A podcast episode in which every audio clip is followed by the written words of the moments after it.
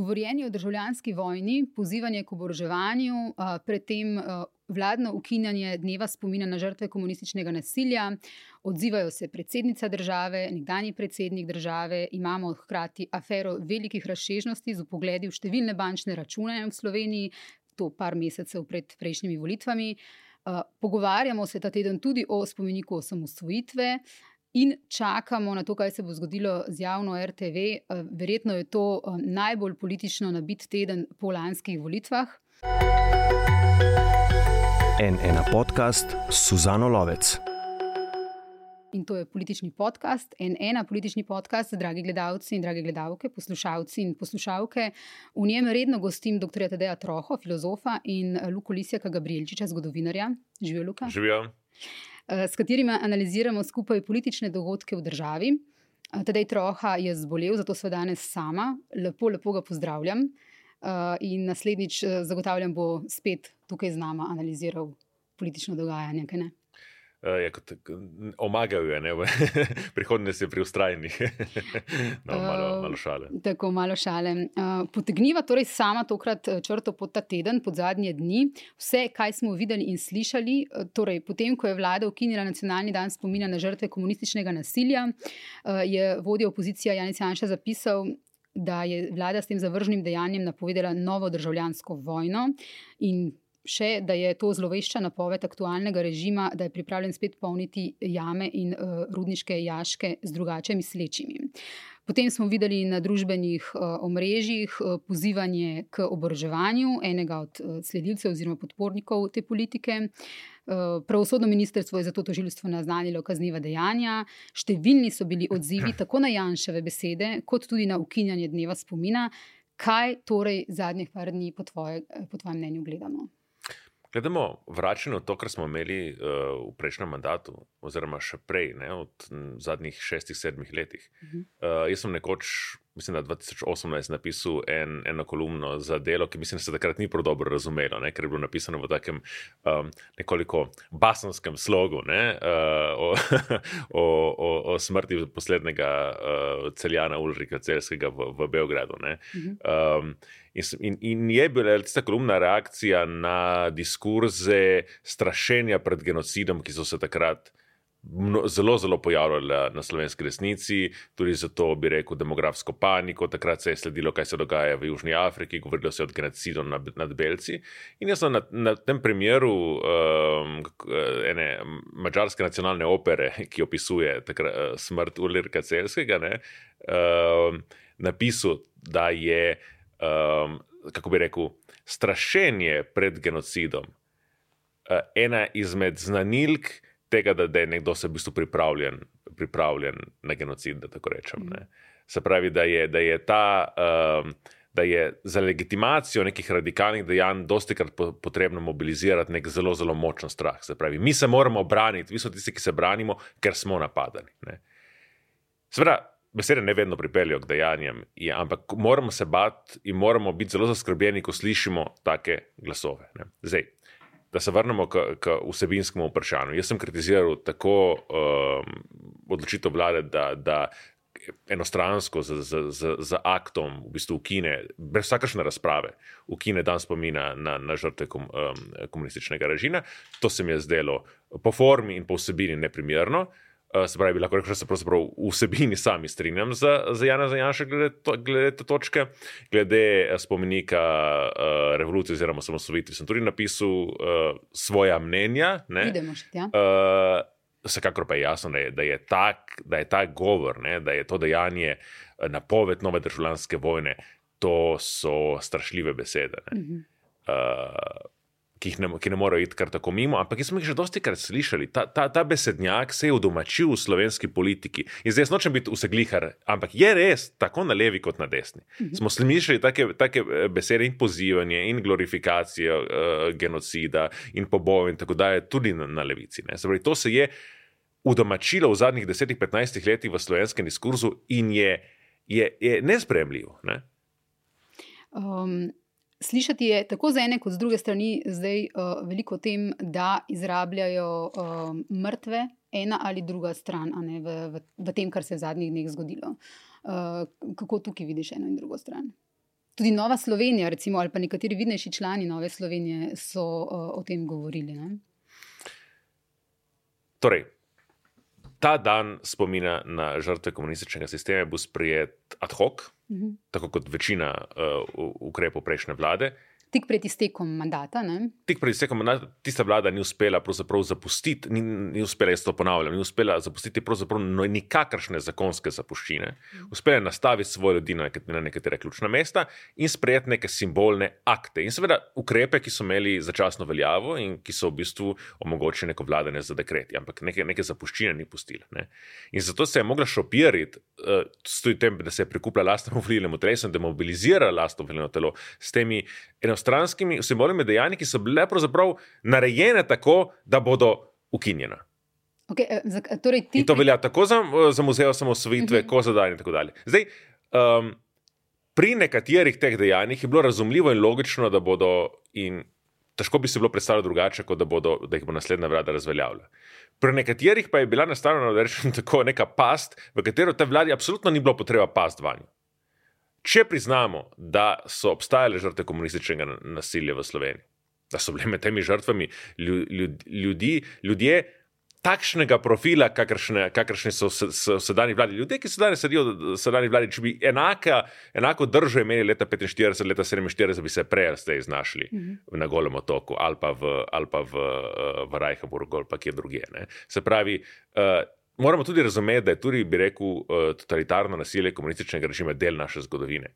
In če to priznamo, se potem odpre neko legitimno vprašanje, kako žrtve eh, tega, eh, tega uh, nasilja počastiti. A je primeren dan, ali, ali, ali je primeren kakšen drugi način, ampak to je, zato je treba spustiti neko javno razpravo. In nobene potrebe ni bilo tej vladi, da je ta, ta dan ukinila. Zakaj je to storila? Jaz mislim, da je zato, ker, ker istočasno smo eno leto po volitvah, ne, da vlada je začela celo vrsto reform, šla nazaj. In se, pravi, se, se je znašla nekje podobno kot prejšnja Janšova vlada. Se pravi, z konkretnimi ukrepi ne gre nikamor, pa gre zelo, zelo počasi. Celo pri RTV rekel, se je celotna stvar izrazito zapletla, nič ne uspeva. Ne? In zato pač. Počne tisto, kar je zelo enostavno narediti. Pač z enim sklepom vlade ukineš nek dan, nobenih stroškov ni bilo za njegovo ustanovitev, nobenih stroškov ni za njegovo ukinitev, sprožiš neko polemiko, mobiliziraš svoje volilno telo, prisiliš, ali pa kako bi rekel, sprovociraš ostale v še bolj nespremljivo reakcijo in s tem ustvariš tako, tako krok kulturnega boja, ki služi čemu? Ki služi mobilizaciji obeh najbolj, bi rekel, zagrizenih volilnih teles, kar pa bi se morala opozicija zavedati, da, škodu, da škodi njej. Kadarkoli se slovensko volilno telo razdeli po teh kulturno-bojnih, uh, bi rekel, smernicah, po, na vprašanjih, bi rekel, ideoloških, kot ti pravimo, druge svetovne vojne, uh, prejšnjega režima, izgubi. Spravi, kako rekel, v tej državljanski vojni, katero, ki je sicer besedna državljanska vojna, ki ne, o kateri govori Janez Janša, če on je res hoče, če res to hoče interpretirati kot napoved te državljanske vojne, se mora zavedati, da bo tudi to državljansko vojno, hvala Bogu, zgolj simbolno in besedno izgubil.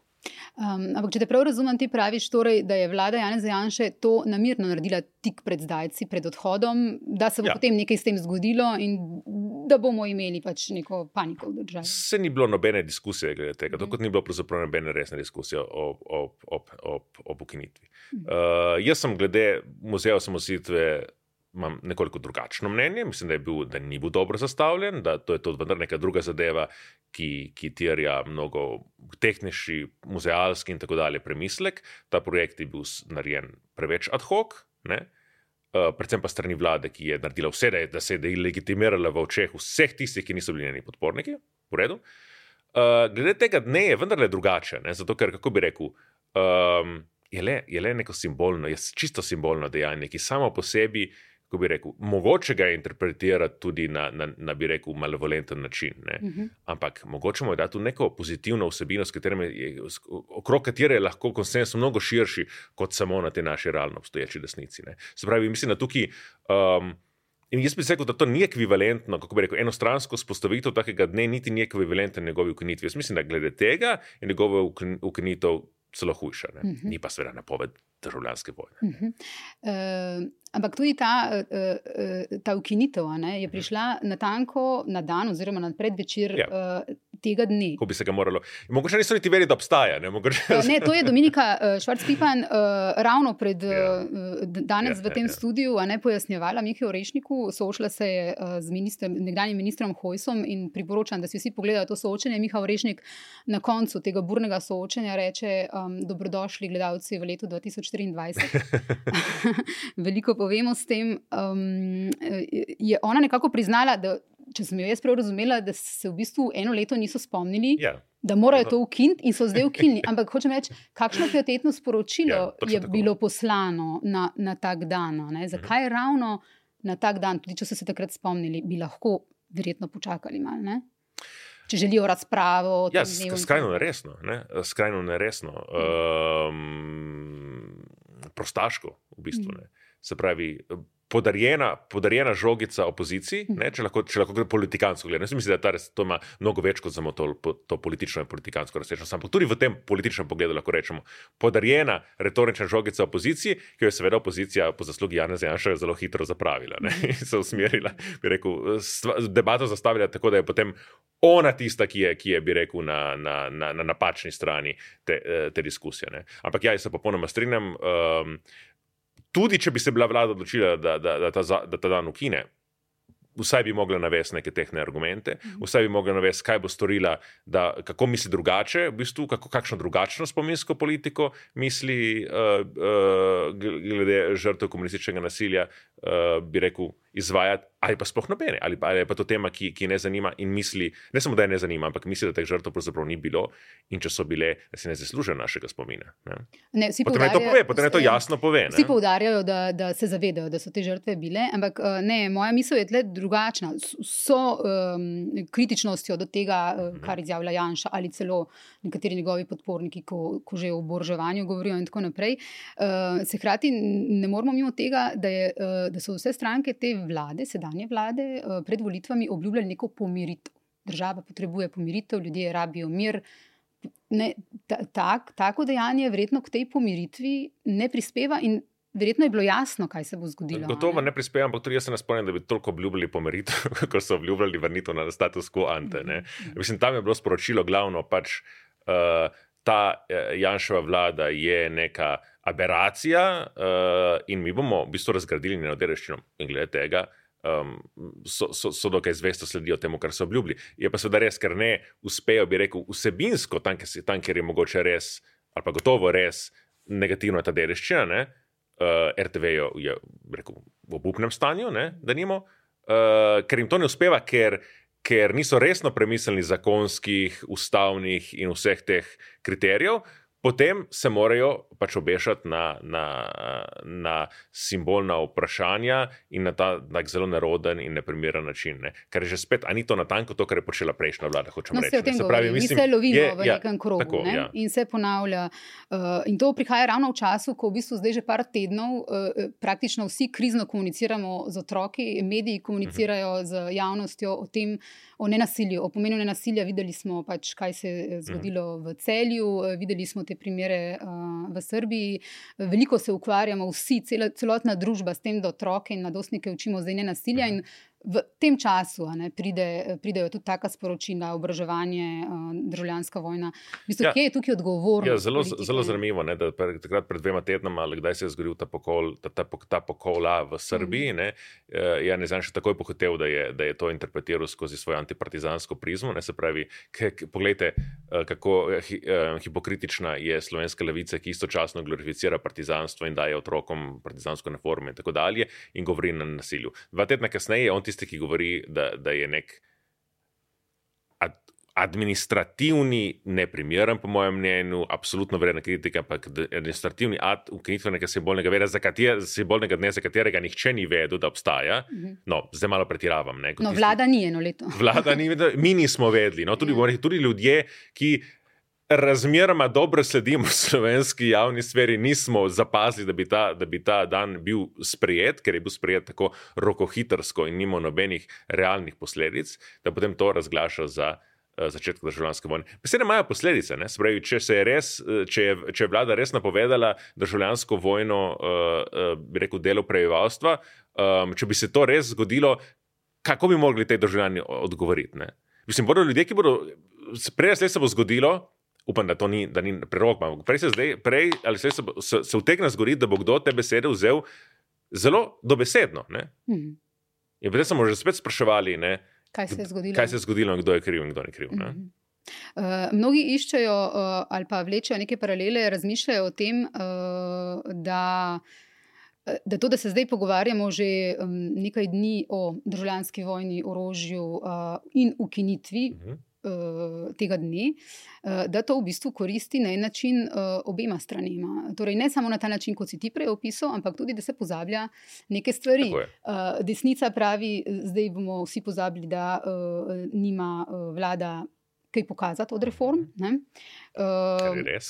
In na levici so teorije, da si je Janša oziroma uh, desna stran uh, na, na ta način uh, bomo vsi skušali pozabiti, ali bomo, bomo nekako pozabili na to afero uh, velikih razsežnosti, Z brskanja po bančnih Bančnih računih. računih, ja. Ja, ki je bila uh, razkrita tudi na, Mhm. uh, na Vsekakor. našem mediju, Katja Širuga je o tem pisala, uh, in da bi nekako, uh, da se zdaj vsi ukvarjamo torej, s tem istim bojem, ki ga perpetuiramo že, odkar Uh, imamo državo. Ja, oboje drži. Ne? Je pa Mhm. tudi res, da je, da je tokrat ta diskusija tako um, plehka in prozorna, da nam ni treba nujno pasti na to, v to pas. ne.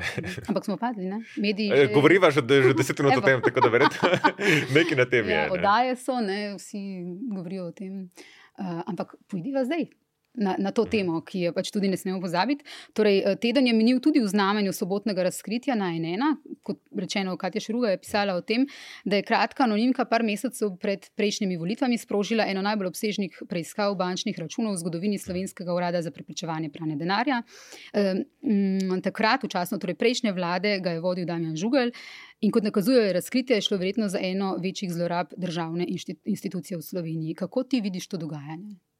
Uh, to so zelo resne obtožbe. Jaz upam, da bo sledila resna raziskava in da bomo dobili um, čim več konkretnih dejstev, Mhm. na katerih bomo lahko potem um, ocenjevali to zadevo. Je to nek način delovanja, ne? se pravi, da se te uh, agencije, ki imajo včasih zelo široke pristojnosti, zlorabijo v politične namene. Ne? Uh, to se pogosto dogaja v liberalnih režimih. Res je, da se to včasih dogaja tudi v zrelih demokracijah, v Združenih državah smo to večkrat videli, recimo z njihovo davčno službo in tako dalje. Um, je, so pa to take stvari, ki, ki zaradi katerih lahko pa, padajo vlade. Ne? Tukaj nima kaj pas, ker je vlada še izgubila volitve, ampak to so zelo resne afere. Ne, torej, ne, ne relativiziram, samo bi rad spomnil, ne, kaj je potem tukaj problem. Mi moramo to resno raziskati in, in, in kaj, in, in ugotoviti, kdo so bili tukaj krivci, uh, sprožiti procese in jih tudi speljati do konca, da se ne bo kot ponavadi v Sloveniji stvar končala v zastaranju in tako dalje. Ker moramo tudi resno zastaviti stvari, ne tako na holadri, holadro, holadra, ne, kot se pri nas pogosto dogaja. To je malo tudi kritika tožilstva. Um, in potem dosež, da, da, kako rekel, da strukturno mi preprečujemo, da se bo to zgodilo.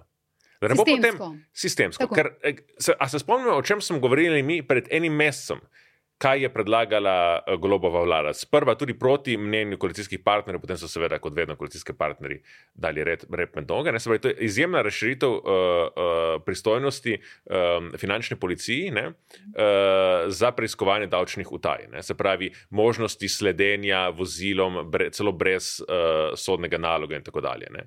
In takrat so, smo nekateri opoza- opozarjali, da to kliče k zlorabam. In so bili odgovori vedno, kakšne zlorabe, vendar se to bo samo tisti, ki, eh, ne, tisti, ki, ki so osumljeni pranja denarja, to je treba, da to preprečimo. In zdaj vidimo, kako, kaj se lahko zgodi, kaj, se, kaj so posledice tega, da, da, da, da damo prevelika pooblastila tem agencijam. Takrat je bilo tako, ena izmed poslank SDS, pa se ne bom spomnil zdaj, uh, uh, katera, uh, je takrat v, v sprejemljanju tega zakona rekla. Tako bi rekel, je bilo zelo.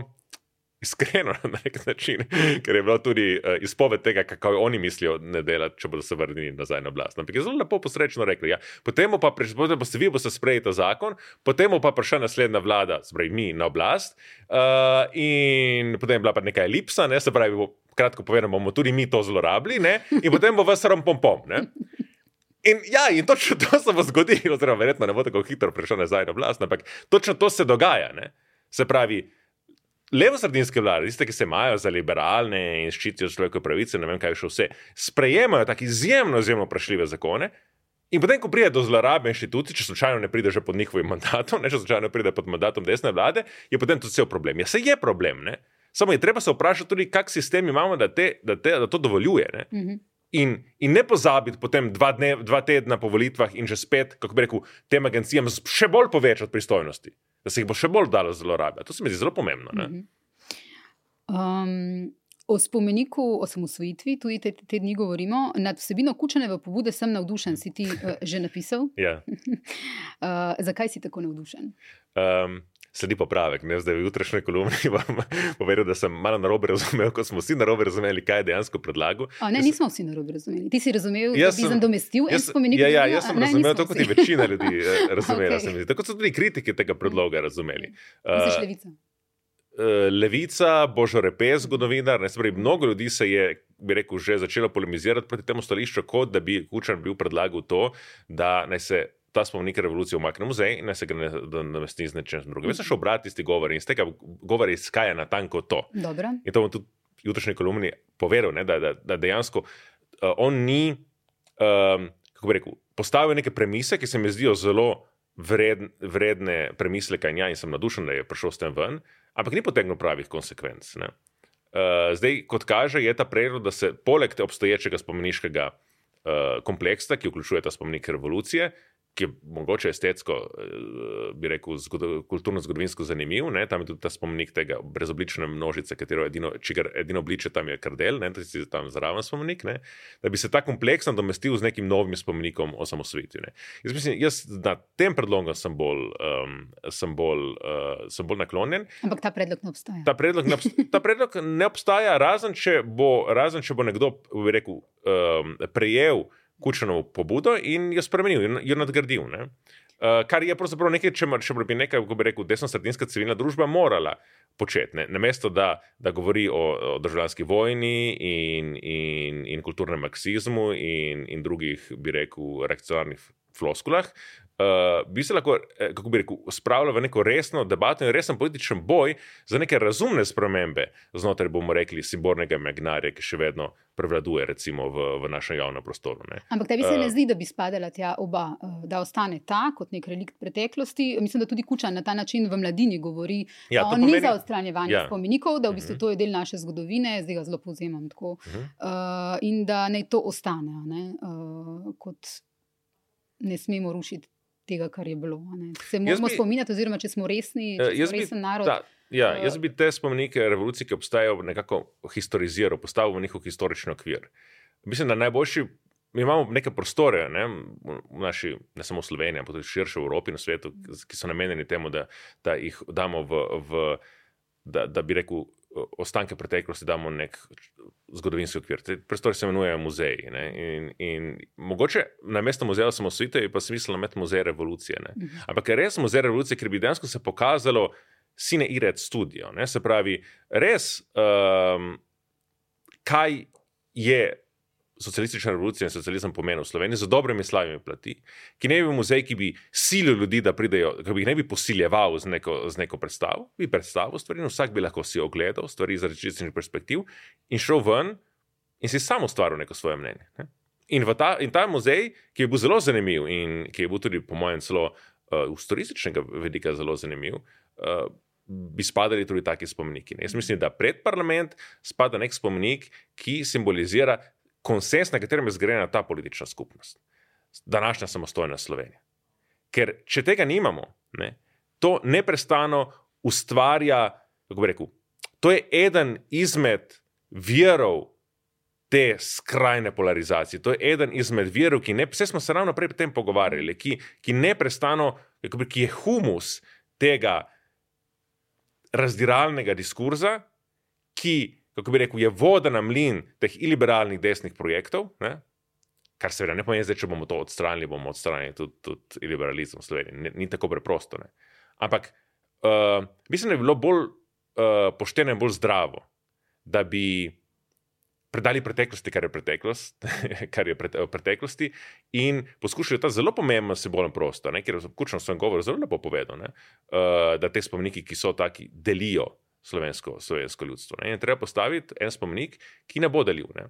Uh, in jaz se s tem predlogom strinjam. Ne. Mislim, da ta, da ta predlog, če ga izpeljemo do konca, uh, implicira muzealizacijo trenutnega spominskega uh, kompleksa. Ne. Eh, je pa Kučan, ne, ki, ko govori o tem spomeniku, danes je za mladino uh, sem prebrala. Ne, spomenik, o katerem sem razmišljal, bi bil spomenik osamosvojitvene enotnosti. Uh, z njim bi se lahko poistovetil vsakdo od tistih, ki smo aktivno delovali za samostojno Slovenijo.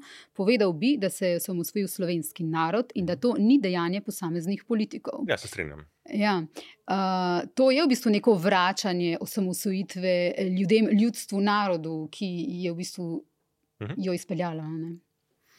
Um, ja. Aj, je tukaj Kučan naredil nek, um, ne bom rekel šahmat, ampak vsej ja. šah uh, Janši. Težko uh, reče ne. Ja, šah, šah gotovo. Ja. Uh, mislim, za mat pa bomo še mogli počakati. Za prav gotovo.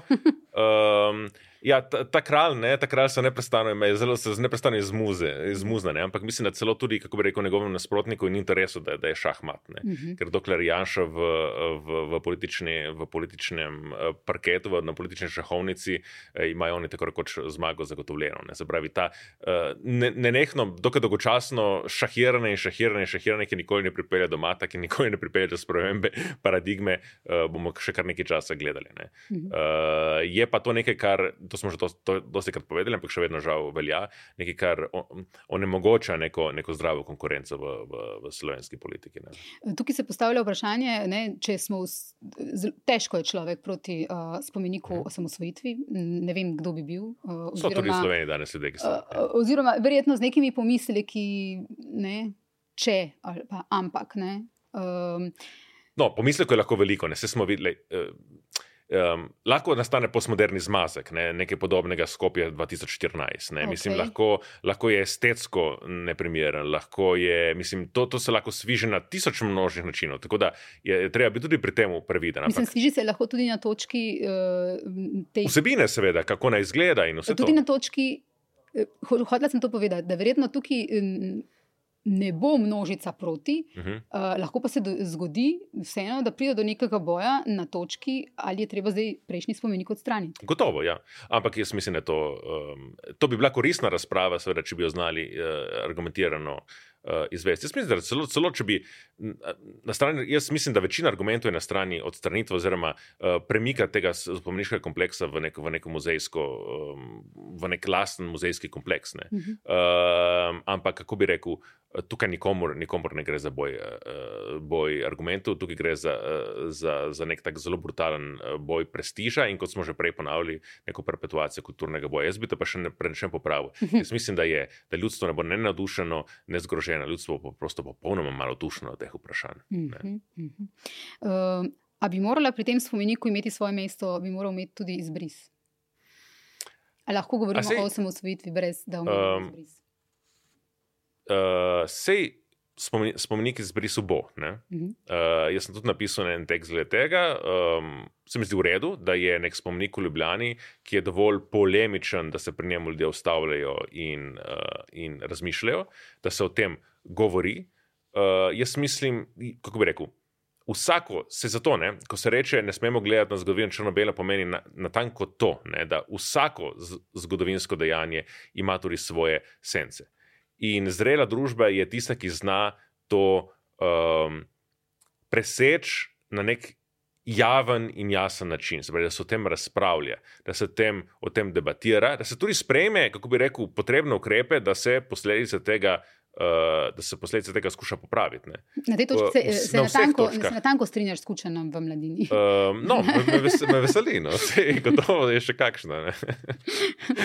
um, še... On malo, mora malo potruditi, da bo sprejel kakšno mojo tezo.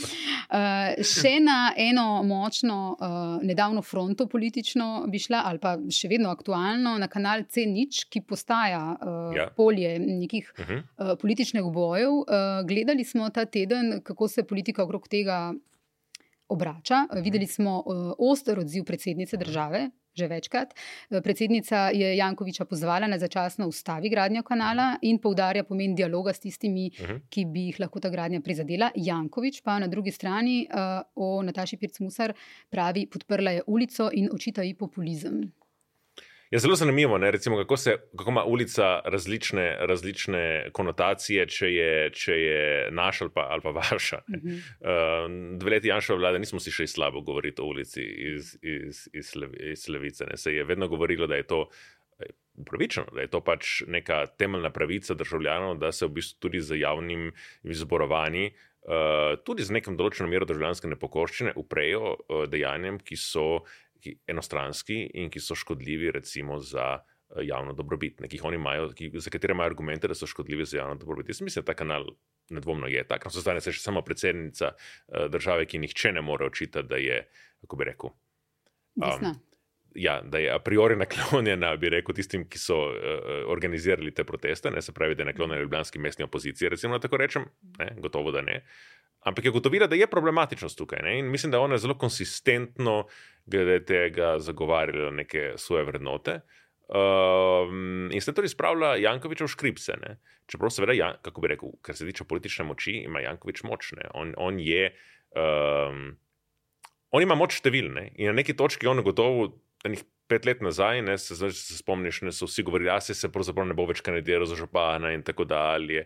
Ne, ne, ne. On je tako, da je najboljše, da se on sploh ne več pojavlja dosti v javnosti in preprosto za to večino, ki jo ima, in za to enormno oblastjo, ki ima v prestolnici, še naprej izvaja svoje politike. Uh, tako kot prej, ne ozirajoč se na, na, na bi rekel, uh, legitimne kritike javnosti, ki, ki se mu ni, ni treba, in tako dalje. Ne. Uh, nek tak zelo. Uh, premišljen, low-key, uh, ne kričeč, uh, bi rekel, avtoritarizem. Um, v zadnjih dneh, oziroma tednih, smo videli dvakrat uh, premijeja Globa na isti prireditvi uh -huh. z Jankovičem. Uh -huh. Videli smo objemane pravosodne ministrice uh -huh. z mhm. Jankovičem, v tem studiu je tudi to pojasnjevala. Uh, precej, pa je pojasnila? Uh, precej ne vešče. Pra, na koncu je v bistvu rekla, no, vsi, vabim vse, da si ogledajo tudi to soočanje.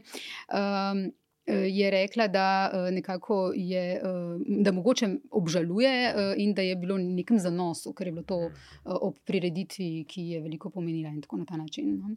Ampak hočem reči, se okrog Jankoviča se veliko političnih kopij tudi lomi. Kdo se z njim pogovarja, mhm. kdo se z njim objema ali pa karkoli, in kdo je zdaj tisti, ki javno kritizira Jankoviča. Ne? Predsednica države tukaj je na tem drugem polu. Ne? Ja, meni je zanimivo, da se ona pač. Uh, Kako bi rekel, neko svojo nišo si je izborila. Ne? Ker, kako bi rekel, Jankovič je danes dosti bolj toksičen, uh, tudi za levico, kot je bil pred, recimo, še petimi, šestimi leti. Ne? Se pravi, je že treba malo, že treba pojasnevati, zakaj si se objemo. Kar se tiče tega, te geste, kako bi rekel, uh, če ti odrečeš Roko Janši, ne, to je bila ista oseba, ki je to mhm. storila eh, leto nazaj, ne, in se mhm. istočasno objemaš z Jankovičem, pač to, sku, to, to bodo ljudje interpretirali skupaj, nepravilno interpretirajo skupaj. Je pojasnjevala vse to. Je, je pač, je, ja, ampak je bi rekel, ti, ti z gestami nekaj sporočaš ne, mhm. in, in tako pač eh, je, je, je neko sporočilo. Ne, Je neko sporočilo, ne? se pravi, uh, enemu vrstu, eni, eni vrsti neke avtoritarne politike in tako dalje, rečem ne, neki drugi, uh, ki ima to, to v bistvu srečo, da je bolj učinkovita. uh, rečem pa ja. Uh, ampak jaz mislim, da tukaj imamo opraviti z nekim, kako bi rekel, neko, neko, neko, neko globoko hipokrizijo. Ne? Zdaj, lansko leto, ne, ko so bile volitve, je bilo jasno, da pač Glop je, mogel, je moral organizirati svojo. Um, svoj, svoj politični projekt. In je bilo jasno, da v tej kombinatoriki je bilo ključno, da je on imel podporo Jankoviča. Ne? Pač on je gradil zelo tako na teh lokalnih bazah. Ne imel svojo goriško bazo, ker je pripeljal pravzaprav ne, pol kabineta gor, uh, potem je, je poskušal na vzhodni Sloveniji ne, in mu je, mu je, mu je manjko na začetku, ne, eh, bi rekel, Ljubljana. Ne, in bilo jasno, se je pač naslonil na Jankoviča ne, in s tem potem počasi gradil um, svojo podporo in tako dalje. Ne. In je bilo jasno, da uh, se na prvi strani nju veže že starejše partnerstvo, na globno zdanje začel svojo kariero v politiki, dobro, bil je sekretar v, ja, v Danoškovi vladi, ampak predvsem ne, kot strankarsko politiko, predvsem znotraj pozitivne Slovenije. Um, Spravijo, ona dva sta rekel, stara prijatelja, ampak ne, ne, če se spomnimo, že takrat po volitvah ne, se je on. Opravičeval pred, pred, pred ljudmi, z, uh, da, da se preveč druži z Jankovičem. Ne? Takrat, ko je prišel Jankovič na njihov štab, je rekel: Ja, on je pač prišel, nikogar nismo hoteli odsloviti. Ne? In tako dalje. Je, tako, nekomu, ki si dolžen tako veliko politično službo, kot je Golop Jankoviču, je tako malo grdo, da potem rečeš, ja, je bil je tam zato, ker ga nismo hoteli odsloviti. Ne, Se pravi, je tukaj je neko zavedanje, vsaj to, da pač je on neprijeten zaveznik. Ne? Mhm. Uh, in, in, to, in, in, ta, in ta, bi rekel, ta njegova potencijalna toksičnost ostaja. Ne? Ampak kljub temu, on v Ljubljani seveda nima nobene konkurence. Ne? In kdorkoli hoče delati politiko v Ljubljani iz levice, mora bori si, uh, bi rekel, zgraditi neko. Nek, nek, bi rekel, kon, konkurenčen projekt Janš, eh, pardon, Jankovič, in tega absolutno ni, tega absolutno ni, ali pa, ali pa kolaborirati, sodelovati z njim. Ne? In tukaj pač. Uh, je, pa, le- je pa lepo, ne, da se zdaj, po mnogih letih, vidimo, da je, da je pri tem nekaj vprašljivega. Ne, da, da mogoče pa njegove, uh, številna njegova dejanja, tudi za tiste, tudi za tiste ki se deklarirajo za levičarje, niso tako zelo, uh, um, bi rekel, prijazna. Ne. Mhm. Kar se tiče prostorske politike, zlasti, kar se tiče okoljske politike, da ne omenim drugih stvari. Ne. Mhm. Um, Kako pa, uh, č- prej smo načela, ne Nataša Pircmusar, predsednica države, uh, se oglaša za prave stvari. Slišali smo jo torej glede Janševe izjave o državljanski Mhm. vojni, o ukinitvi dneva Mhm. spomina ni rekla še nič. Mhm. To še čakamo, ali bo, kdaj bo. Vprašanje je. Ja. Ja, uh, torej se je izjasnila glede Janševe izjave o državljanski vojni, uh, povedala je glede šol, uh, glede tega nasilja na šolah, uh, uh, oglasila se je, rekla je, da več policistov pred šolami ni dober signal, Ogna, oglašala se je, kot, kot rečeno, glede kanala C0. Uh, jo lahko tukaj primerjamo, lahko povlečeš neke paralele, kje s- a je tle neka razlika z Borutom Pahorjem. Zelo drugačen od Borota Pahorja. Uh -huh. ki ima tako, bi rekel, zelo um, institucionalno podobo predsednika republike. Ne? Mhm. Na nek način, um, kot da bi bil predsednik republike Italije ali pa Izraela, ne? se pravi, neke, nek, nek predsednik republike, ki ve, da nima nobenih pristojnosti in se potem tudi drži, bi rekel, kot neke vrste. Monarh, ne kot angliška kraljica, ne reče nič ne, o st- o stvareh. Malo pretiravam. ne. Sej Bord Bahar ima tudi zelo tehne posege v, v eh, javno razpravo, ampak so bili tako previdni, da jih nihče ni slišal. pravzaprav, ne. In tudi sam potem iz njih dosti krat ni potegnil, ni potegnil konsekvenc. Oprosti, Uh, tukaj se pa je pri, uh, pri tej zadnjem zapletu, oziroma pri tej državljanski vojni in tako naprej, uh, se je pa uh, je kritiziral to, da je bilo na hitro ta dan, oziroma na kakšen način smo do tega dneva prišli. Zelo kritiziral tudi vlado, Mhm. da ga je ukinila in kako ga je ukinila. Um, nismo pa še slišali, da bi se opredelil do teh izjav o državljanski vojni. Ne? Eh, Skratka, ti praviš, uh, imata, uh, uh, sta različna. Pokazalo, pokazalo se je, da Ja, sta različna. imate, imate predsednika. različen predstav, ampak kar sem hotel povedati, da je ona tudi zelo različna, bi rekel, od eh, tega, ko je prejšnji predsednik, se pravi Danilo Turk ravnal, ne, ki se, ki se je. De, Po via fakti je postal v bistvu predsednik vladajoče koalicije. Ne? Kdo, kdo, ki se je razumel predvsem kot medijator znotraj vladajoče koalicije. Ne? Mhm. Um, Tamtašen predmusar ni taka. ne. Mhm. In, in je, kako bi rekel, gradi neko svojo samostojno. Um, očitno se zaveda, da pač, ali pa si misli, kaj zvem, da eh, bi rekel, njen uspeh volilni ni odvisen od nobene stranke in nobenega, bi rekel, vplivnega, vplivne skupine znotraj slovenske politike. In zato gradi neko svojo lastno identiteto. Ne. In to počne tako, da pač intervenira glede vseh stvari, ki se, ki se ji zdijo njeni senz- senzibilnosti, ki pač ustrezajo njeni senzibilnosti, bori se ali prihajajo iz tega, kar razumemo kot levica v Sloveniji, ali pa to, kar razumemo kot desnica. Ne. Mhm. In se pravi, glede tega je zelo drugačna od tega, kar so, so bili vsi ostali predsedniki doslej. Ne. Mhm. Še par kratkih, mogoče za konec. Um, kje je tukaj uh, njen protikandidat na predsedniških volitvah? Mislim, da je izgubil moment. Je izgubil moment. Mislim, da je absolutno izgubil moment um, in ga bo tudi težko nazaj pridobil. Ne. Mhm. Eh, Bilo je sicer, ni mu ni mu bilo lahko, v smislu je bilo jasno, da, da je tukaj pred eh, zelo um, zapleten. Zmagal je na nek način loterijo, čeprav je izgubil volitve, ne, ampak je imel zelo, zelo visok odstotek ne, in ni znal unovčiti te, eh, te, te, te, te, te srečke. Ne. Hočeš reči, ta mislim- kapital, ki ga je pridobil na predsedniških volitvah, je šel mimo. Jaz mislim, da je šel mimo. Mhm. Jaz mislim, da je šel mimo, on, bi se, on, bi moral on se je pokazal kot preveč, premalo pogumen. Ne. In to se je zdaj pokazalo uh, tako v sredinskemu volilnemu telesu, kot celo, bi rekel, de, delu desno-sredinskega volilnega telesa. Ne. On se ne upal niti tega, da bi, mislim, vse ta njegove dejanja, ne, recimo tako takrat, ko je. Uh, ne vem, pri katerem glasovanju je bilo, ne se pravi, a glede izbrisanih, ko je pač poslanska skupina SDS šla iz parlamenta. Um, je on še nekaj časa ostal, ne, takrat in potem šel tudi on. Zdaj, to v bistvu, uh, s tem je vedno pokazalo, da ja, jaz sem bolj ne, ne bolj zmeren član SDS, ampak bolj cincarski član SDS. In to mislim, da se je pokazalo. Uh, on bi bil lahko ustanovil, lahko, recimo, lastno poslansko skupino, lahko bi izvedel neke konsekvence. Ne? Uh, in je v bistvu se ohranil v tem limbu, uh, ki je nek limbo, uh, ki je na nek način podoben, podoben takrat Virantovemu. Ne?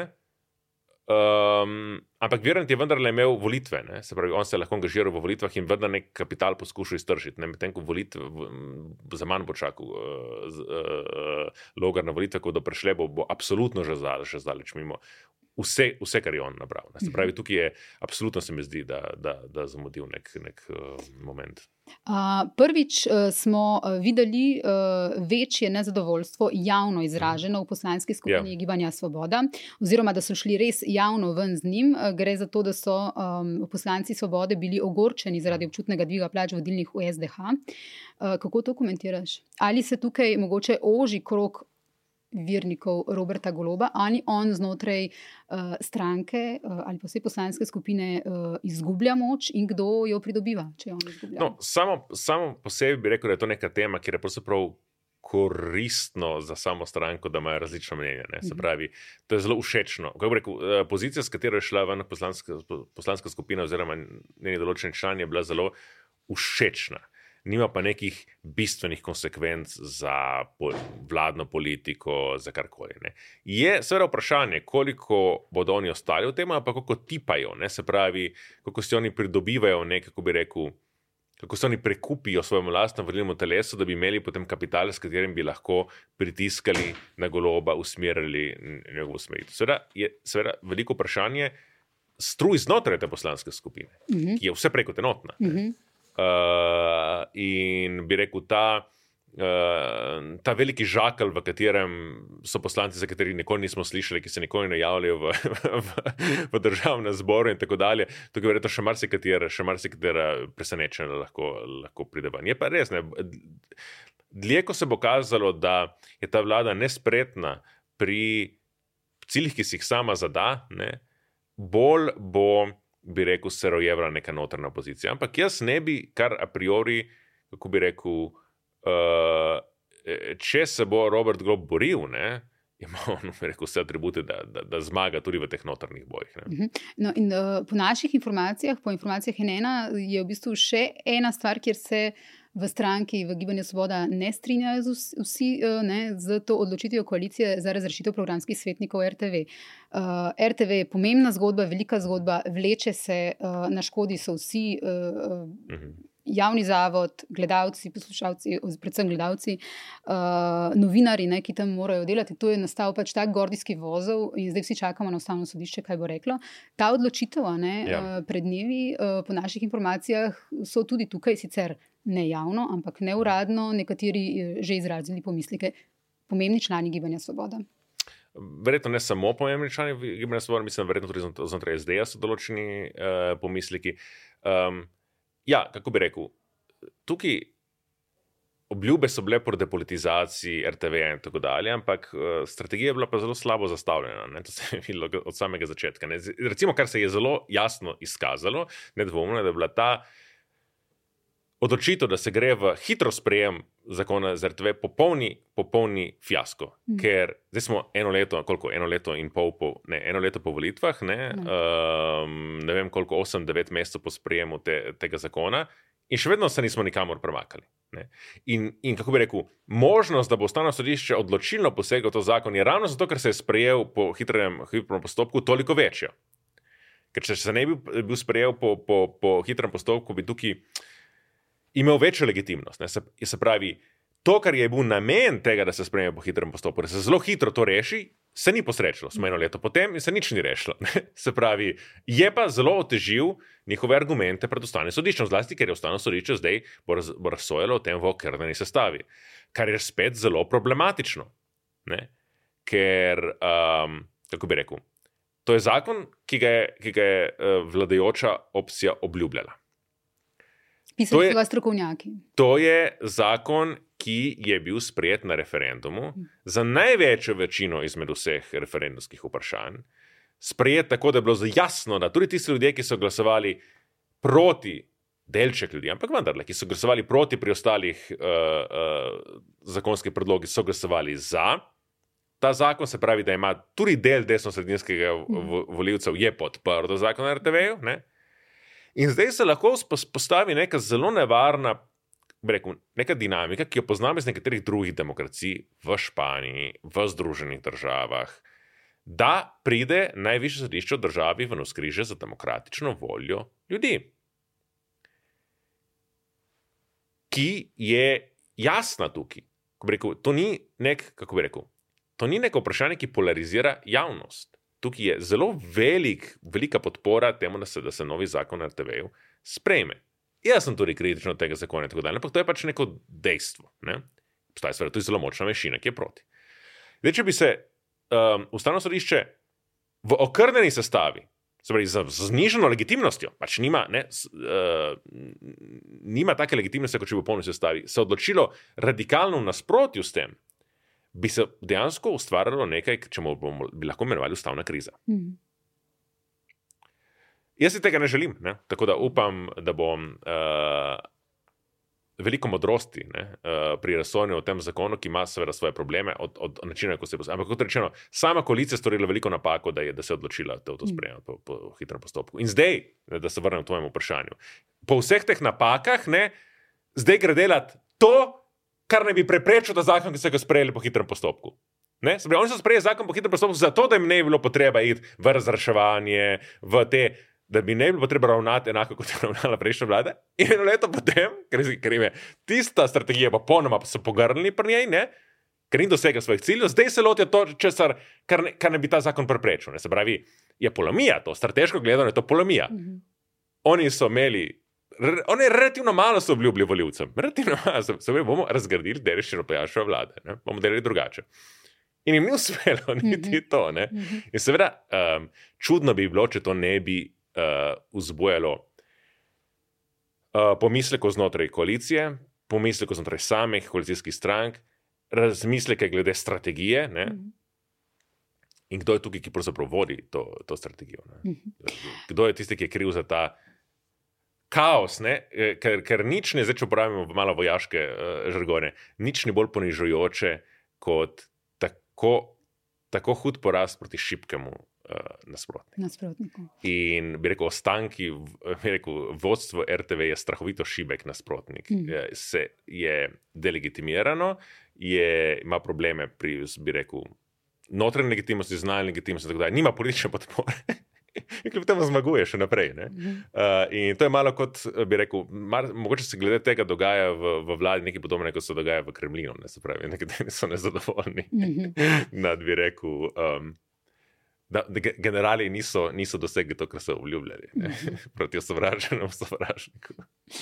Za konec samo še eno malo drugačno vprašanje, da res potegnemo črta pod vse to, o čemer smo govorili, tudi to, kar, s čimer smo začeli današnji pogovor. Uh, Uh, torej, govorjenje o državljanski vojni, o simbolih, uh, ukinjanje tega dneva, uh, govorjenje celo o oboroževanju in tako naprej. Uh, v naši redakciji tukaj smo zadnjič ugotavljali, novinar je pisal o uh, fenomenu sportbili torbice. Se spomniš sportbilja, te risanke? Ja, ja, ja. ja, ja, ja, ja, ja. Uh, in smo ugotovili, da velika, velika, velika večina uh, novinarjev tukaj ne, so mladi novinari in ne vejo, kaj je sport bili torbica. Yeah. In se sprašujem, kaj je ta generacija, ki se ne spomni več sport bili torbice in sport bilja. Uh, kaj, si, kaj bi sporočil po takšnem tednu? Uh, vse to, kar smo slišali, državljanska vojna, ukinjanje dneva spomina, spomeniki, osamosvojitev. To je ena generacija, ki v bistvu ima verjetno čist neke druge poglede um, ali pa druga razmišljanja o teh zadevah. A, imaš kakšno sporočilo? kaj naj si mislijo po takem tednu? Mm, naj se zavedajo, kako bi rekel. Naj se zavedajo, da v Sloveniji, tako kot v vseh evropskih državah, mogoče z delno izjemo Irske ali Polske, vladajo stare ljudje. Mm -hmm. Ne. A nismo zdaj videli, poglej, eh, recimo celo Turčija, ki je mlada država, ne, ima en kandidat, kaj ima 75 let, drugi 84, mm. v Ameriki, zdaj bo, bo Biden pri kolikih letih ima, čez 80 let uh, proti že mogoče Trumpu. Ne, uh, celo v takih državah, ki so mlajše od Evrope. V Evropi vlada, vlada baby boom generacija, mm -hmm. ker je najštevilčnejša še vedno, ne? ker se redno udeležuje volitev. In če hočejo, bi rekel, mlade generacije to, da bi rekel, politika bolj prisluhne njihovim problemom ne, uh, in dejansko rešuje um, njihove zagate, se bodo morali bolj množično tudi udeleževati političnega procesa. Mm -hmm. Um, kar se zdaj je sicer začelo dogajati mm -hmm. v Sloveniji, ne, zlasti v, v prejšnjih volitvah in tako dalje. In, ampak, mis, in referendumih, ne, ampak mislim, da je tudi zelo hitro prišlo do neke demobilizacije. Ne. Mhm. Ampak uh, starejši pa še vedno hodijo na, na, na volitve, zelo, se jih vedno zelo redno udeležujejo. In zato je politična ponudba Zato se nam zdi, to je en izmed razlogov, zakaj se nam zdi, da pravzaprav uh, govorimo vedno o istih stvareh, že 15-20 let, samo na vedno bolj debilen in, in betežen način. Okay. Uh, hvala lepa. Uh, upam, da se kmalo spet srečamo v trojki, da pride še tedej in da uh, se tudi kaj skregamo, oziroma se skregata. Uh, hvala tudi vsem gledalcem. To smo še dolžni. To sta, to sta dolžna in ta teden je, bil, je bila idealna priložnost. uh, hvala ti še enkrat. Hvala tebi. Hvala tudi gledalcem in gledalkam, poslušalcem in poslušalkam. Zelo kmalo se spet vidimo in slišimo.